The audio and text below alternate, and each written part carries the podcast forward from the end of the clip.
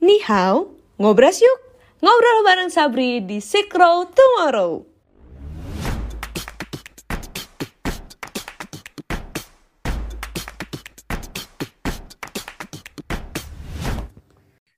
Silk Road Tomorrow by Sabri Chapter UGM. Halo semuanya, uh, welcome back to this podcast. Sebelum kita mulai, saya akan kenalkan diri saya dan juga teman berbincang saya hari ini. Saya Sebastian Bangwa Samparan. Saya adalah ketua akademik dari Sabri UGM dan saya di sini bersama Rafindra. Rafindra, silakan.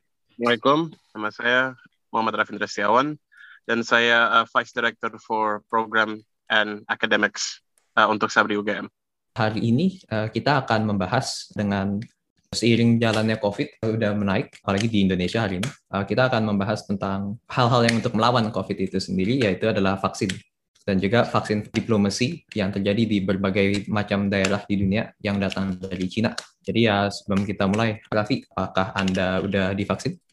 Um, sayangnya belum, tapi gue udah didaftar untuk vaksin Sinovac. Sinovac karena ya? Sinovac aja yang masih ada di daerah aku. Kalau saya juga belum sih, tapi orang ya. tua saya udah uh, satu Sinovac, satu Astra. Lumayan berbeda-beda di rumah ini.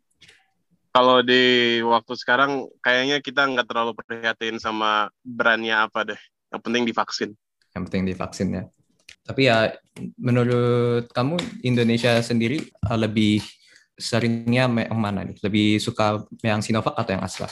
Atau mungkin ada merek lain? Menurut aku sih, kalau kita ngelihat dari demografi ya, yang aku notice dari anekdot sendiri kayak personal experience aja. Yang ada itu biasanya orang yang eh, bisa dibilang kalangan atas. Mereka lebih prefer memakai vaksin seperti AstraZeneca atau bisa dibilang dari barat. Dari barat. Dan Sinovac biasanya untuk orang-orang yang apa adanya gitu. Mungkin gara-gara kuantitas kalau Sinovac itu unggulannya itu di kuantitas, di mana RRT sudah kirim jauh lebih banyak dos vaksin Sinovac dan lain-lain daripada negara-negara barat. Hmm, iya, ini juga terlihat sih buktinya aja pada awal Desember ini udah lebih dari 3 juta dosis vaksin datang dari PRC ke Indonesia. Dan hmm. itu hanya di Desember menurut kamu apakah implikasinya ini ada jauh lebih dari hanya membantu antar sesama atau juga ada sesuatu di baliknya? Dari sisi foreign policy, ini adalah suatu proyek untuk Republik Rakyat Tiongkok untuk membangun sentimen yang lebih positif dari kita di eh, negara-negara yang masih developing. Di mana kita negara-negara yang bisa dibilang paling vulnerable kepada virus corona dan juga punya akses paling paling kecil, paling susah daripada negara-negara di global north, di seperti Amerika Serikat atau seperti uh, Uni Eropa.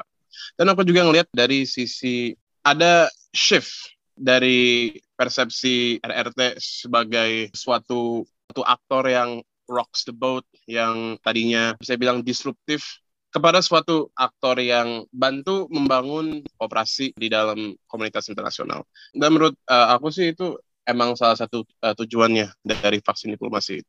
Ya, ini juga waktu itu saya ingat waktu sebelum uh, COVID ya, itu sekitar waktu kita semester 1 atau semester 2, itu masalah Laut Cina Selatan masih gede banget. Apalagi waktu di Indonesia kan, waktu kita apa yang dipaksa ada patroli Cina Iya ya, yang diwajibkan bahwa semua kapal dipatroli oleh Cina untuk uh, yeah. keluar masuknya. Yaitu itu awal cukup... 2020. Pas ketakutan kita itu perang dunia ketiga bukan pandemi. Udah beda banget ya masalahnya. Iya. Tapi ya juga sih, ini juga ada survei dari ISEAS uh, di Singapura. Itu juga menyatakan bahwa uh, Cina sendiri pada akhir-akhir ini, pada khususnya akhir dari tahun 2020, bahwa 79% dari rakyat di ASEAN percaya bahwa Cina menjadi tenaga ekonomi paling berkesan kepada negara-negara tersebut. Terus ini juga diikuti oleh jatuhnya Amerika Serikat, di mana mereka sekitar 30% percaya bahwa Amerika Serikat adalah partner strategi yang baik pada masa-masa ini. Apakah hmm. menurutmu juga pengeluaran vaksin mereka ini berhubungan dengan penurunan dari influensi Amerika tersebut? Hmm, menurutku itu ter nggak terlalu produktif sih kalau kita ngelihat vaksin diplomasi sebagai suatu kompetisi antara satu superpower dan satu lagi. Jelas kamu bisa ngelihat ya vaksin diplomasi sebagai suatu arena kontestasi antara itu berdua. Dan jelas Amerika ngelihat vaksin diplomasi sebagai kompetisi. Kamu ngelihat kayak headline-headline di media Amerika seperti Foreign Policy atau MSNBC atau CNN, mereka mereka narasinya pasti akan kayak gitu aku ngelihatnya sih itu effortnya uh, eh, RRT untuk uh, membangun relasi yang lebih positif, yang lebih produktif dengan dengan kita di uh, negara negara ASEAN dan bahkan dengan negara yang sejauh seperti Amerika Latin, uh, seperti Afrika. Menurut aku ya nggak bisa disimpulkan sebagai suatu kompetisi, tapi juga bisa bisa dibilang kayak fokus kepada absolute gains daripada relative gains relative to Amerika. Jadi lebih ke secara langsung membangun relasi dengan negara-negara ini dibanding mengalahkan Amerika yang sebelumnya ya. Oh ya, ya. Kalau begitu dengan kondisi ASEAN yang uh, saat ini sudah lumayan membimbang, apalagi dengan kasus Myanmar yang sampai sekarang masih berkelanjutan. Menurut kamu apakah ini adalah uh, bagian dari approach China itu uh, untuk ikut serta membangun relasi dan juga ikut serta membantu dari aksi tersebut melalui vaksin diplomasi ini? Uh, jelas, tapi kita juga nggak bisa melihat tindakan China sebagai mereka mencari posisi homogenes, bukan homogenes, apa namanya, hegemonic di di ASEAN ataupun di seluruh Asia atau di dunia. Tapi sebagai effort untuk melaksanakan apa yang sudah dari dulu menjadi uh, modus operandinya uh, eh, RRT yaitu membangun suatu uh, sistem dunia, suatu komunitas dunia yang tidak unipolar seperti masa 1990-an sampai 2010-an uh, di mana Amerika menjadi superpower satu-satunya di dunia. Tapi untuk membangun uh, sistem dunia yang lebih multipolar. Jadi uh, dengan sistem multipolar ini, uh, menurut Anda siapa uh, aktor yang besarnya? Apalagi khususnya di Asia Tenggara ini, selain uh, Republik Rakyat Cina tentunya. Nah, kalau kita ngelihat dari sisi vaksin diplomasi ya, kalau hmm. kita fokusnya di arena masih dilanda oleh uh, second wave uh, dengan uh, varian Delta. Oh ya, dan juga khususnya ini untuk India ini lumayan kasus yang cukup unik uh, menurut saya. Uh, saya meskipun vaksin diplomasi China masih uh, salah satu uh, targetnya adalah India, tapi mereka sendiri sebelumnya pernah mempunyai kontestasi uh, teritori dan itu juga telah menghambat proses diplomasi lainnya, khususnya waktu saat itu adalah di ASEAN waktu penegasan uh, RCEP. Menurutmu apakah masalah daerah tersebut masih lanjut sekarang atau sudah direlegasikan kepada masalah isu ke kesehatan masyarakat yang lebih utama? Kalau ngelihat dari menurut aku ya, India jelas karena public pressure, mereka akan lebih fokus kepada public health-nya mereka, terutama gara-gara sudah berapa puluhan ribu, ratusan ribu rakyat mereka yang meninggal gara-gara second wave COVID-19. Tapi kontestasi geopolitis, kontestasi eh, wilayah, kewilayahan yang seperti di kayaknya Arunachal Pradesh, ya kayaknya Arunachal hmm. Pradesh, itu masih di dalam pikiran mereka. Tapi mungkin bukan prioritas pertama seperti sekarang. Tapi dengan vaksin diplomasinya Cina, yang jelas mereka masih akan lebih prefer kepada uh, aktor-aktor yang uh, bisa bilang counterbalance RRT seperti ya Amerika Serikat atau bahkan diri sendiri mereka juga punya produksi domestik uh, vaksin. Terus juga apa ya, lebih lanjutnya lagi sih. Menurut saya juga itu masalah uh, teritori itu udah lumayan uh, minim dilihatnya dibanding apa yang terjadi di saat India sekarang. Uh, apalagi khususnya dengan uh, kasus COVID. Uh, tapi kayaknya masih ada beberapa keseringan di mana mereka tidak bisa secara langsung menerima semuanya dari Cina dan Mereka. makanya akan ya itu masih lumayan bimbang di situ. Nah, karena mereka dengan, juga masih masih ada uh, public pressure dari publik mereka sendiri, terutama dari supporternya mereka yang uh, nasionalis karena persepsinya kaum kanan kaum sayap kanan uh, di India itu ya RRT sebagai saingan sebagai saingan India dan oleh karena itu kalau India mendapat bantuan dari uh, eh, RRT, walaupun situasinya seperti ini, akan dilihat sebagai suatu sebagai suatu hinaan dari hmm. di Cina. Walaupun mungkin uh, nggak seperti itu, tapi itu ya persepsinya supporter base-nya BJP. Soalnya menurut saya juga itu jatuhnya sangat menolak belakang dengan apa yang India telah lakukan sebelumnya. Dan oh, jadi ya. kayak ya lumayan uh, apa ya Uh, jadi kayak kondisinya uh, cukup susah juga untuk mereka kayak uh, kejepit jatuhnya. Hmm. Tapi walaupun itu dari, uh, pikiran saya ya, RRT itu mereka pola pikirnya itu dalam suatu yang fokus ke absolute gain. Di mana mereka ngelihat seperti yang uh, aku tadi jelasin, mereka fokusnya untuk menjalin hubungan yang lebih positif, yang lebih produktif kepada negara-negara lain. Uh, tetapi negara-negara yang melihat RRT sebagai saingan mereka beroperasi dalam uh, pola pikiran uh, relatif gain, di mana pasti mereka akan melihat semua unggulan, semua kemenangan RRT sebagai suatu kekalahan untuk mereka sendiri, walaupun seharusnya uh, approach kita kepada vaksinasi global harusnya itu absolute gain, ya. semua akan menang. Ini habis dipikir-pikir juga menurut saya si Cina-nya sendiri mungkin lihat uh, sebagai absolut, tapi ya negara seperti apa contohnya uh, Australia sampai saat ini masih sangat tegang hubungan mereka dengan uh, Cina sendiri. Apalagi dengan sekarang nih uh, Australia lagi secara besar-besaran mengakomodasi uh, perdagangan mereka ke Asia Tenggara. Dan dengan dengan implementasi uh, Cina uh, vaksin diplomasi ini itu mereka melihat ini sebagai saing, saingan lebih berat lagi. Ya uh, kalau misalkan kita ke uh, EU sekarang di Uni Eropa kondisinya juga lumayan unik tuh di sana. Yang paling utama sih itu sendiri. Uni Eropa tidak uh, menyarankan negara-negara menggunakan Sinovac kecuali pada saat-saat yang sudah sangat uh, genting. Uh, dan mereka sendiri juga uh, telah memproduksi vaksin secara langsung di sana.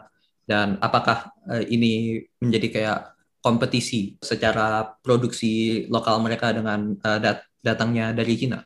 Sebenarnya beberapa minggu yang lalu mereka dapat pressure dari World Health Organization untuk membolehkan orang-orang yang sudah vaksinasi Sinovac untuk masuk kepada wilayah mereka. Dan ini juga relevan uh, untuk aku sendiri karena uh, seharusnya beberapa bulan ke depan ikut program pertukaran pelajar di uh, Uni Eropa.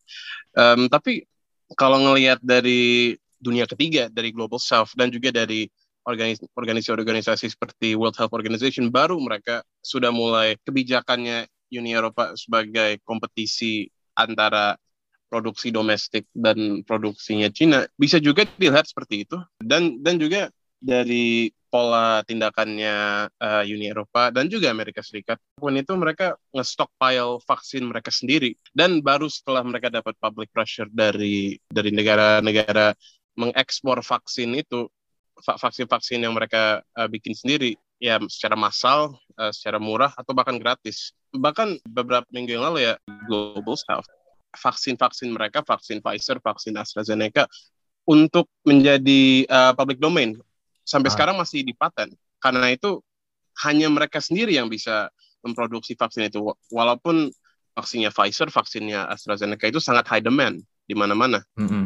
jadi kalau ngelihat dari sisi kompetisi itu ya jelas jelas banget uh, ini juga uh, lumayan uh, bertolak belakang sama yang apa lumayan kebalik dengan apa yang uh, PRC lakukan sekarang di mana Sinovac sendiri dia udah apa metode produksi dan juga terus juga mungkin dari aksesibilitas untuk di negara yang global south sendiri. Sinovac itu masih salah satu yang paling mudah. Tapi meskipun dengan pressure yang datang dari WHO itu sendiri, contoh kasus di sini si Italia sendiri, mereka mereka tuh masih sangat tidak percaya dengan vaksin-vaksin uh, yang tidak datang dari uh, Uni Eropa dan akan begitu mereka sendiri aja di, uh, mungkin kedep untuk uh, ke depan uh, jangka pendek ini akan melak, sangat melarang penggunaannya dan juga perbatasan-batasan orang yang telah divaksin tersebut untuk uh, masuk ke dalam negara mereka. Ya itu itu prerogatif mereka sebagai aktor yang yang yang merdeka di komunitas dunia. Eh, tetapi aksi mereka itu tidak tidak di dalam vakum. Kalau mereka mencoba delegitimize vaksin-vaksin seperti Sinovac atau bahkan vaksin yang baru uh, yang baru keluar dari Kuba, sayangnya aku lupa namanya. Tapi ya seperti itu. Dengan menilai vaksin itu sebagai second rate atau tidak cukup bagus untuk dunia dan tanpa mengasih alternatif lain kecuali produk mereka sendiri yang masih Sangat mahal terbatas. kecuali di yeah. kecuali di Sumbang iya uh, mereka mereka tidak kasih kita di global south uh, jalan lain selain vaksin-vaksin antara yang kita bikin sendiri atau vaksin yang dari dari negara global south lain seperti Cina. Hmm. Terus ini juga lumayan unik nih. Tadi Anda uh, angkat kasus vaksin uh, Sputnik yang dari uh, Rusia yang juga uh, berperan di vaksin diplomasi ini. Untuk sementara, uh, seperti ya uh, Anda bilang tadi, bagian dari European Medicines uh, Agency, si EMA-nya si EU sendiri, masih tidak sangat menyarankan menggunakan vaksin Sputnik dibandingin apa namanya uh, Sinovac karena kekurangan data yang sangat menjomplang uh, Sputnik punya dibandingin dengan uh, Sinovac. Apakah ini juga menjadi bagian dari kompetisi antara negara-negara yang dianggap di luar Eropa ini memiliki vaksin yang mungkin kurang berkenan bagi mereka atau ini hanya gain mereka sendiri yang tidak terbatasi oleh sudut pandang negara lain?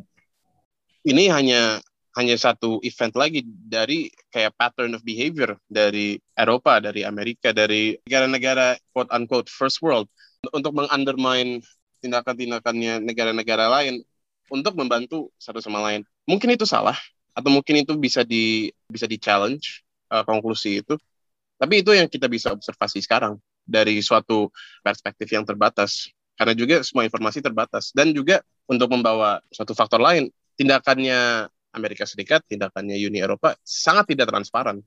Statement-statement yang telah dibuat cukup terlihat di bagaimana WHO sendiri aja harus mempressure mereka dan belum lebih lanjut lagi the Russian vaccine Sputnik has never been able to get approval from the EMA and perhaps it will never will uh, dan ini juga menunjukkan bahwa mereka sendiri sangat menolak dan sangat terbatas penerimaannya tanpa yeah. uh, iya. adanya penjelasan lebih lanjut yang kita bisa lihat itu mereka punya yeah. pemikiran induktif bukan deduktif mereka sudah punya konklusi vaksin Rusia, vaksin Cina tidak bagus. Dan dari situ mereka cari mereka cari hal-hal lain untuk menjustifikasi posisi mereka itu, bukannya kebaikan hmm. kebaikannya lagi. Oleh anggota paling atasnya mereka seperti uh, ini uh, contoh dari Prime Ministernya Italia sendiri berpotensi mendapat uh, memberi dampak secara langsung uh, kepada ya jatuhnya si justifikasi justifikasi tersebut juga uh, sangat publik mereka sendiri sampai uh, saat ini perbedaannya juga lumayan tidak terlalu menjomplang. Mungkin kalau mereka lebih transparan di dalam motivasi mereka, di dalam tindakan mereka, mungkin kita bisa give them the benefit of the doubt. Kita bisa lebih percaya kepada mereka. Tetapi dari persepsi aku sendiri di negara yang di mana vaksinasi masih tidak terlalu aksesibel, mengundermine Cina dan oleh karena itu kita di di negara-negara dunia ketiga tidak mempunyai alternatif yang lain. Terus juga yang ini juga menurut saya lumayan unik datanya dari European Medicine Agency-nya sendiri tentang hmm. uh, vaksin Sinovac sendiri. Mereka sendiri telah mempunyai data bahwa berpikir bahwa mungkin vaksin-vaksin yang tidak datang dari negara dunia pertama ini tidak sebaik apa yang uh, seharusnya. Tapi berdasarkan apa yang saya lihat secara langsung, ini juga bahkan saya sendiri juga telah pada dosis kedua Sinovac telah secara 67% berhasil memberhentikan gejala-gejala dari COVID, 85% mengurangi kemungkinan untuk kematian dan menurut saya itu dengan data-data seperti itu itu sudah uh, cukup baik karena sukses rate-nya sendiri sudah lumayan tinggi bahkan dengan data yang diberikan oleh European Medicines Agency uh, itu sendiri banyak negara Uni Eropa masih sangat uh, bertolak belakang kepada vaksin uh, dari China tersebut ya mungkin kalau kita melihat data dari untuk Pfizer, untuk AstraZeneca mungkin lebih tinggi efikasinya, hmm. efektivitasnya. Tetapi baik lagi kepada yang, yang tadi kita ngomongin kayak ini sudah cukup bagus. Di mana hmm. mungkin Pfizer atau AstraZeneca masih bisa lebih bagus. Tetapi siapa yang bisa dapat vaksin AstraZeneca? Siapa yang bisa dapat Pfizer? Bukan kita. Bahkan juga ini dari bacaan aku juga di negara Amerika Latin, salah satu resipien Sinovac paling besar. Negara-negara di Amerika Latin untuk penduduk di kalangan atas mereka, mereka suka ke wilayah Amerika Serikat atau Kanada juga untuk mendapat vaksinasi mereka di Pfizer atau uh, AstraZeneca. Mungkin karena mereka nggak percaya Sinovac atau mungkin karena mereka percaya Pfizer atau AstraZeneca lebih aksesibel. Tetapi sentimen di negara mereka sendiri negatif kepada orang-orang kalangan atas yang seperti itu. Di mana untuk mereka, mereka cuma punya pilihan yang kecil, itu antara nggak divaksinasi atau divaksinasi oleh Sinovac dan antara nggak divaksinasi atau divaksinasi sama vaksin yang menurut Amerika, menurut Uni Eropa second rate, mending masih divaksinasi daripada enggak. Ya kan? Ya, ini juga apalagi saya sendiri sih uh, kurang riset akan daerah uh, Latin Amerika. Tapi dengan yang yang saya cukup ketahui bahwa seperti Anda bilang tadi, vaksinasi mereka sangat sumbangan terbesarnya dari China memang. Uh, tapi untuk data yang untuk yang tadi Anda bilang bahwa banyak orang masih berpikir bahwa AstraZeneca dan juga Pfizer merupakan pilihan yang lebih baik dan bahkan memaksakan diri untuk menggunakan hal tersebut uh, sebagai vaksin yang satu-satunya dipercaya. Ini menunjukkan bahwa terdapat perbedaan antara sudut pandang yang negara barat memiliki dengan China. Dan itu menurut saya juga telah membuat banyak kontestasi lebih lanjut di skala lebih kecil seperti pada persepsi publik yang tadi Anda bilang. Ya, setuju, setuju. Kalau kita balik lagi kepada topik pertama kita tadi tentang implikasi ini kepada kebijakan internasionalnya RRT, kepada kebijakan internasionalnya Amerika Serikat, dua superpower paling besar di dunia pada waktu ini. Kalau kita balik lagi kepada persepsi ini sebagai kompetisi antara dua pihak itu, yang lagi menang itu RRT. Karena mereka lebih sedia untuk menyumbang vaksin mereka sendiri. Pertama karena produksi mereka itu lumayan tinggi, dan juga karena kebijakan mereka dalam mengendali pandemi sebelum menjadi uh, suatu kondisi yang kritis, seperti di India, atau mungkin seperti di negara kita sendiri. China lagi menang kompetisi untuk memenangi hati publik dunia, terutama dunia ketiga, dunia the, the global south karena they were here first. Mereka di sini untuk kita, mereka mengasih kita vaksin sebelum Amerika Serikat, sebelum Uni Eropa sedia untuk untuk kasih vaksin mereka sendiri. Karena persepsi publik itu walaupun itu suatu yang fleksibel, menurut, saya implikasi ini untuk posisi Amerika Serikat dan RRT di dunia. Mungkin kita masih melihat ini sampai beberapa puluh tahun setelah pandemi sudah selesai. Bisa saja ini pasti akan sangat berdampak apalagi hmm. juga di, di pada intinya aja di Asia Tenggara persepsi akan negara-negara barat seperti uh, Amerika Serikat dan juga Uni Eropa sendiri sudah mulai berkurang dan bila ini dilanjutkan lebih lanjut, apakah kepercayaan akan uh, mereka lebih menurun atau mungkin ada kesempatan bahkan naik di ke depannya kita masih belum tahu. Tapi mengikuti tren sekarang yang sangat singkat ini, tentunya kepercayaan akan PRC di timur ini lebih tinggi, bahkan sangat tinggi dibanding barat pada saat ini. Itu pasti akan masih berkelanjutan, bahkan bisa nyampe 50 sampai 70 tahun selanjutnya pokoknya kan yang paling penting buat kita yang nggak terlibat dalam tindak dalam kebijakan dalam membuat keputusan yang mengubah dunia seperti ini. Yang penting buat kita kan itu kita bisa ya kita bisa ikut kelas offline kita bisa ketemu teman-teman kita kita bisa ya keluar tanpa pakai masker tiap hari.